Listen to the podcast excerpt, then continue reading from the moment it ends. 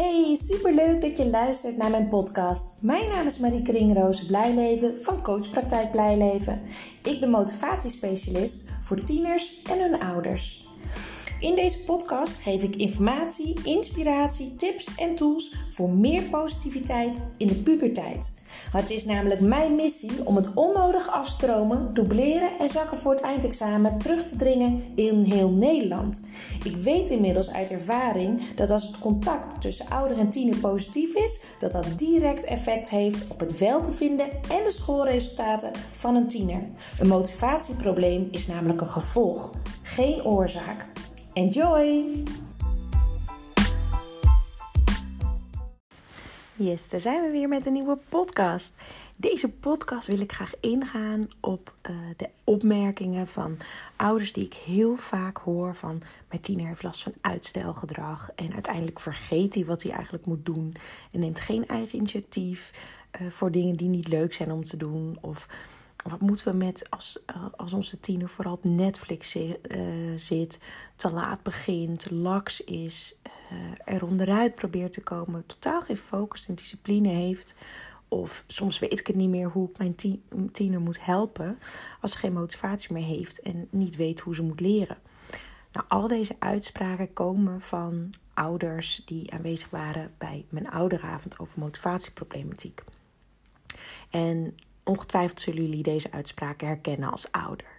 En je weet dat je kind zoveel meer kan dan dat hij nu doet. Als hij maar iets meer inzet zou tonen, dan zou hij toch makkelijk kunnen.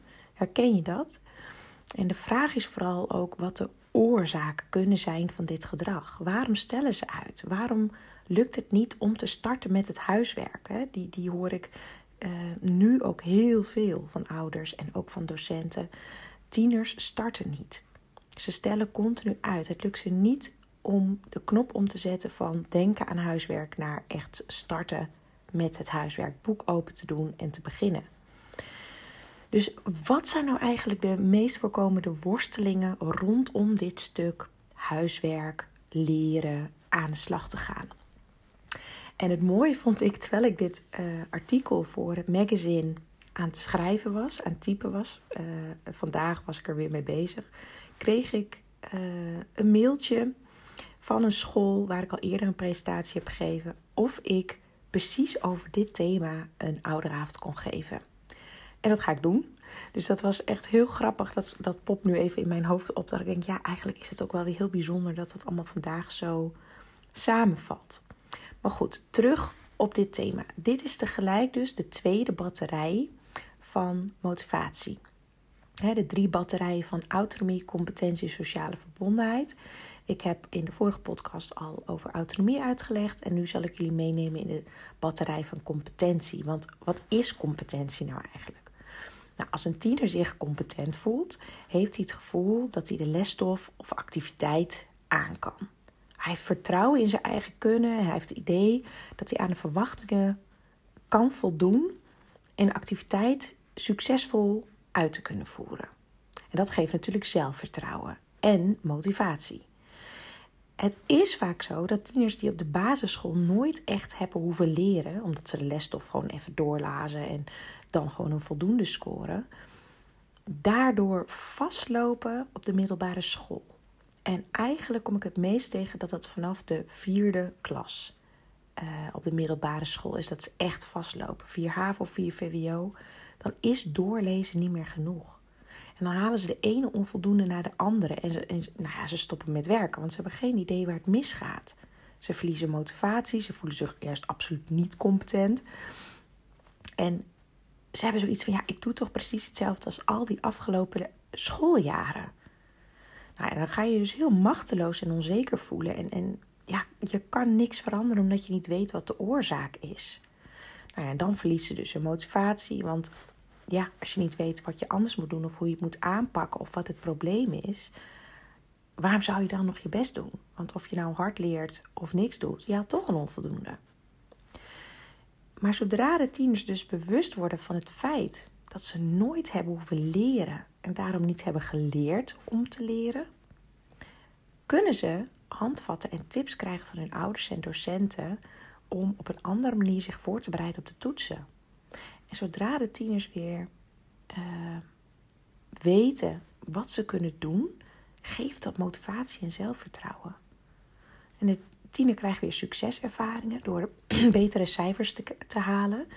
En beseft dus daardoor dat hij de lesstof wel aan kan, maar dat hij gewoon niet wist hoe hij het moest aanpakken. Dus de focus mag rondom dit type leerling die vastloopt, zo, nou trouwens bij alle leerlingen, maar in ieder geval bij deze leerling ook, veel meer op het leerproces komen te liggen in plaats van op de resultaten. Want aan de hand van de resultaten weet je niet waar het misgaat.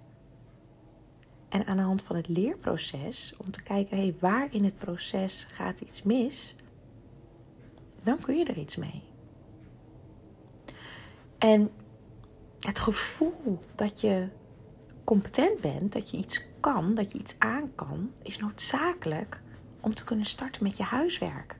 Want als jij bijvoorbeeld al het idee hebt van ja, ik weet helemaal niet wat ik moet doen, of hoe ik het moet doen, of waarom ik het moet doen, waarom zou je er dan aan beginnen?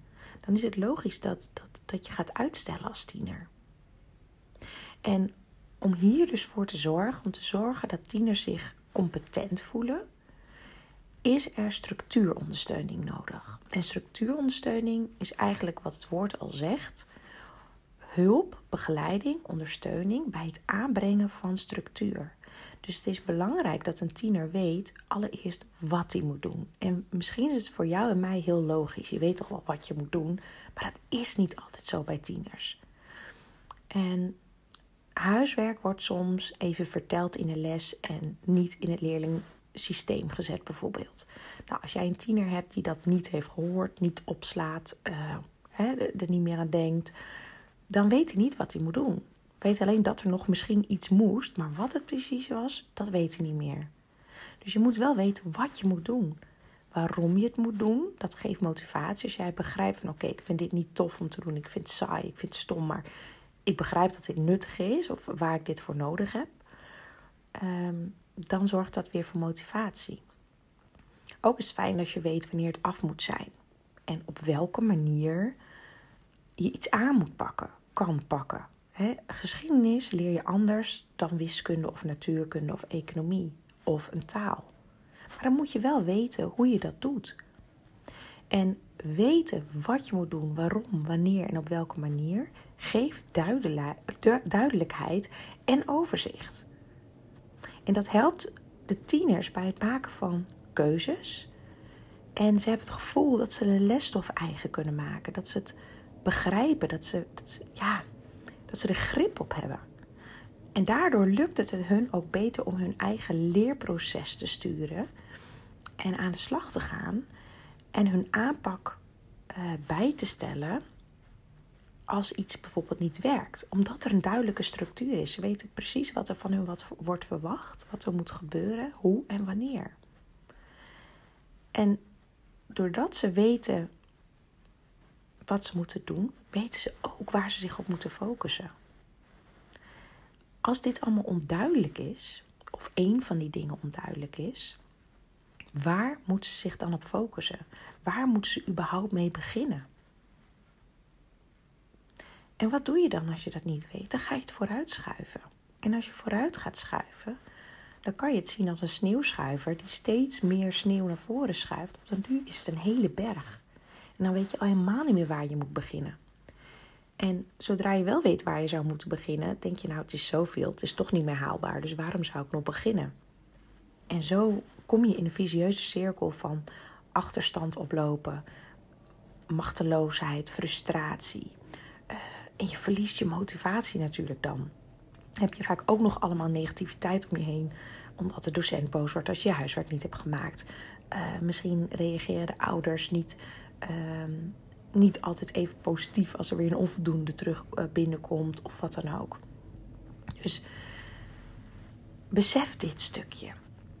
En wat gaat er dan heel vaak mis rondom het schoolwerk, rondom het aanpakken van schoolwerk bij de tieners? Dat de tiener dus niet weet hoe die moet leren.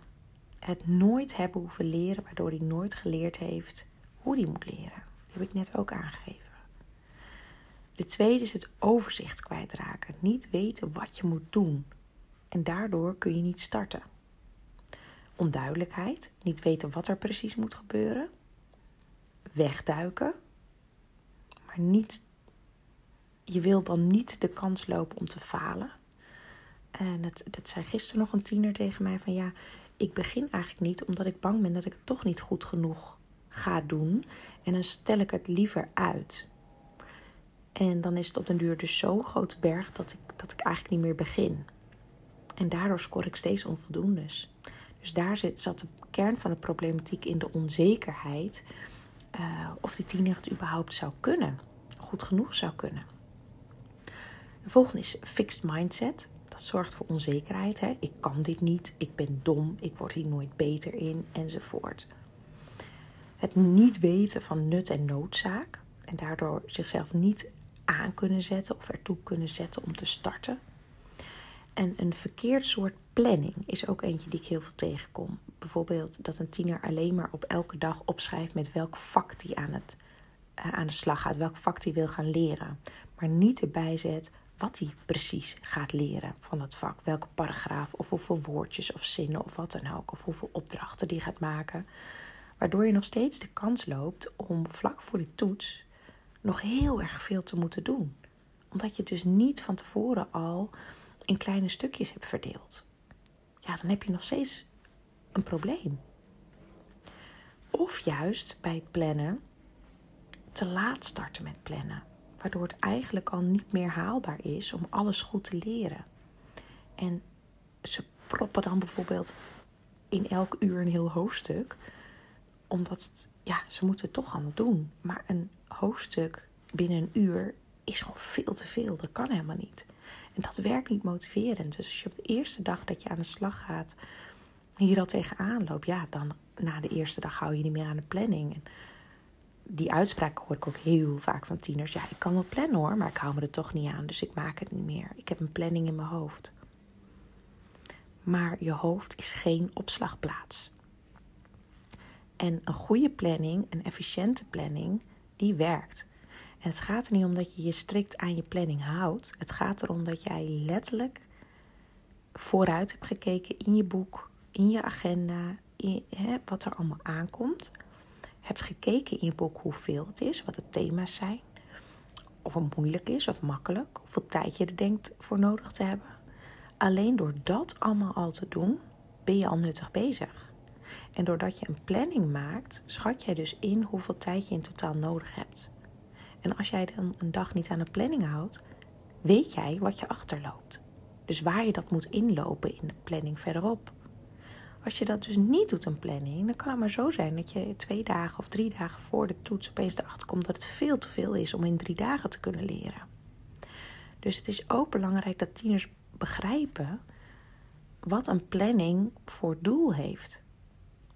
En dat het niet gaat om je strikt aan een planning te houden. Nou, dan nog tips hoe je dus je, de competentie van je tiener kan vergroten. En daar zijn jullie als ouders ontzettend belangrijk in. Allereerst stimuleer hun groei door de succeservaringen te benadrukken. Dus wanneer het goed is gegaan. En stimuleer ook de groeimindset. Je kunt het nog niet, maar je kunt het wel leren. Falen bestaat niet. Zonder fout maken kun je niks leren. Alles is een leerproces.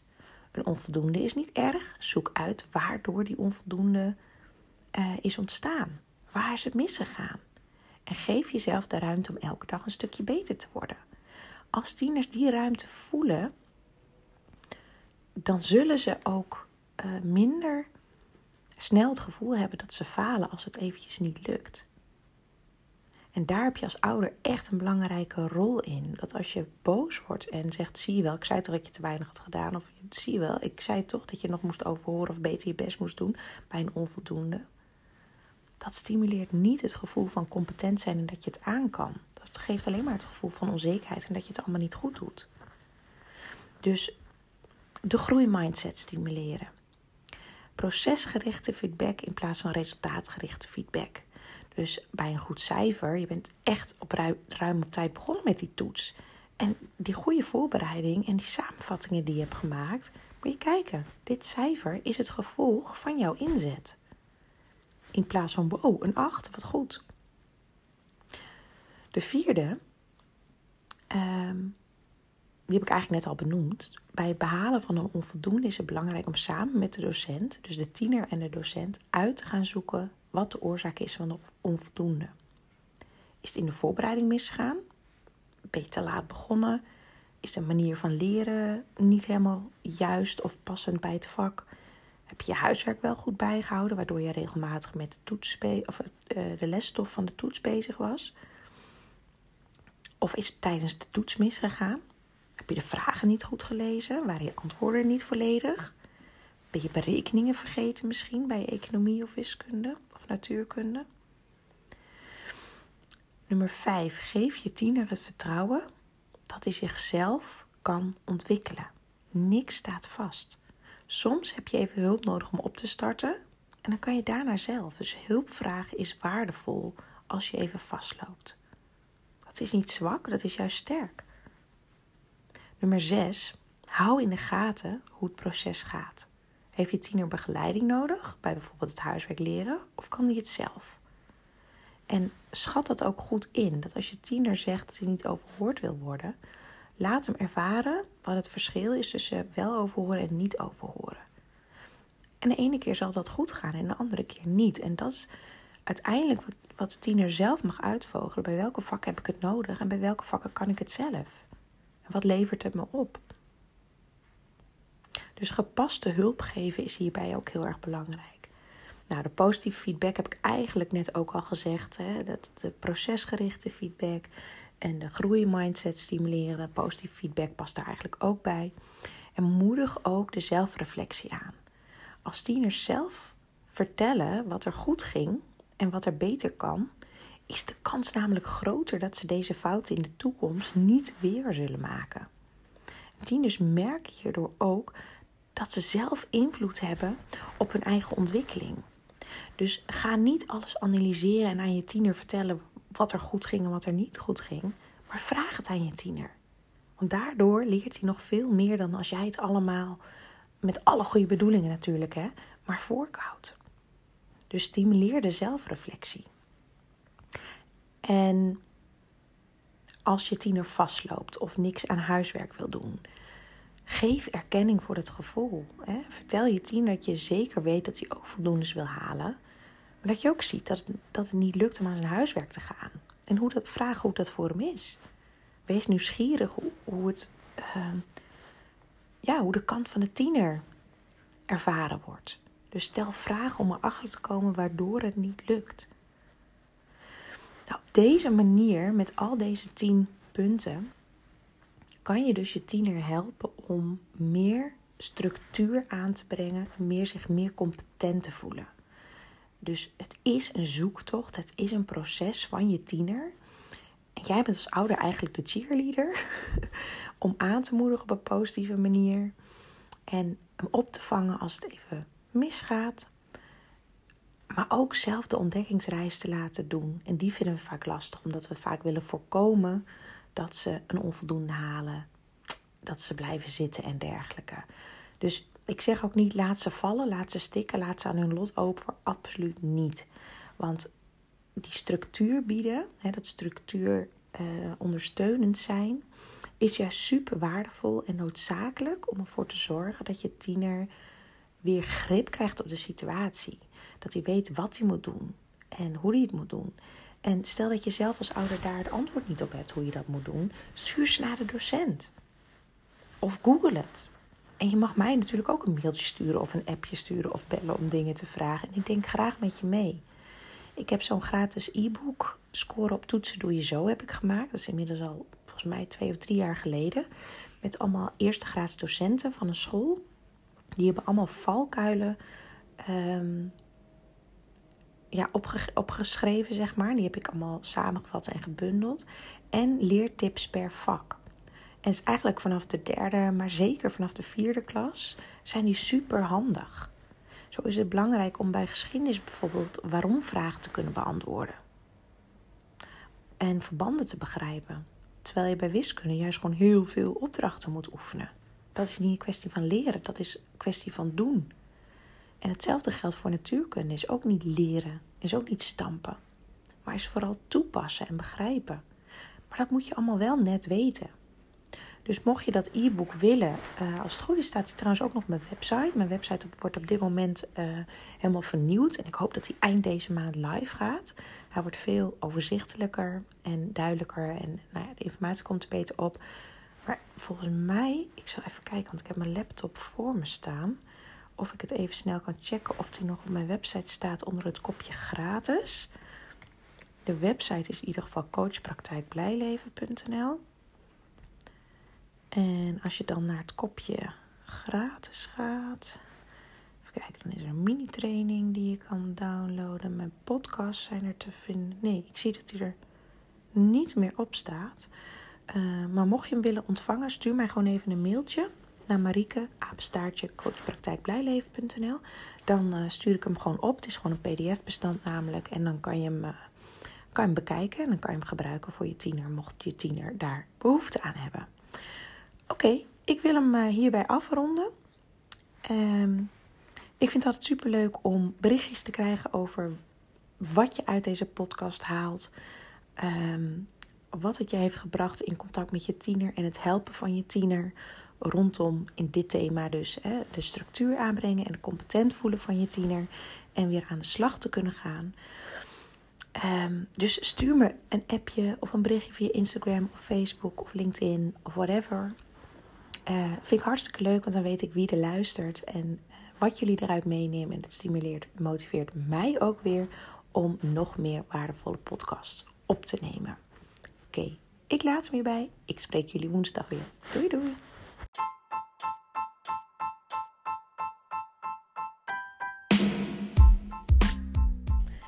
Dit was weer de aflevering van deze podcast. Ik hoop dat je het leuk hebt gevonden, dat je er veel informatie, tips en inspiratie uit hebt kunnen halen.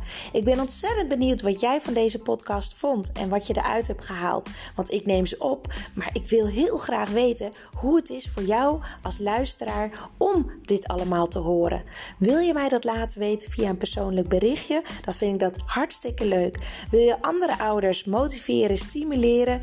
En inspireren met deze podcast, deel het dan op social media. En wil je mij contacten? Dat kan via www.coachpraktijkblijleven.nl. En wie weet spreken we elkaar snel. Fijne dag!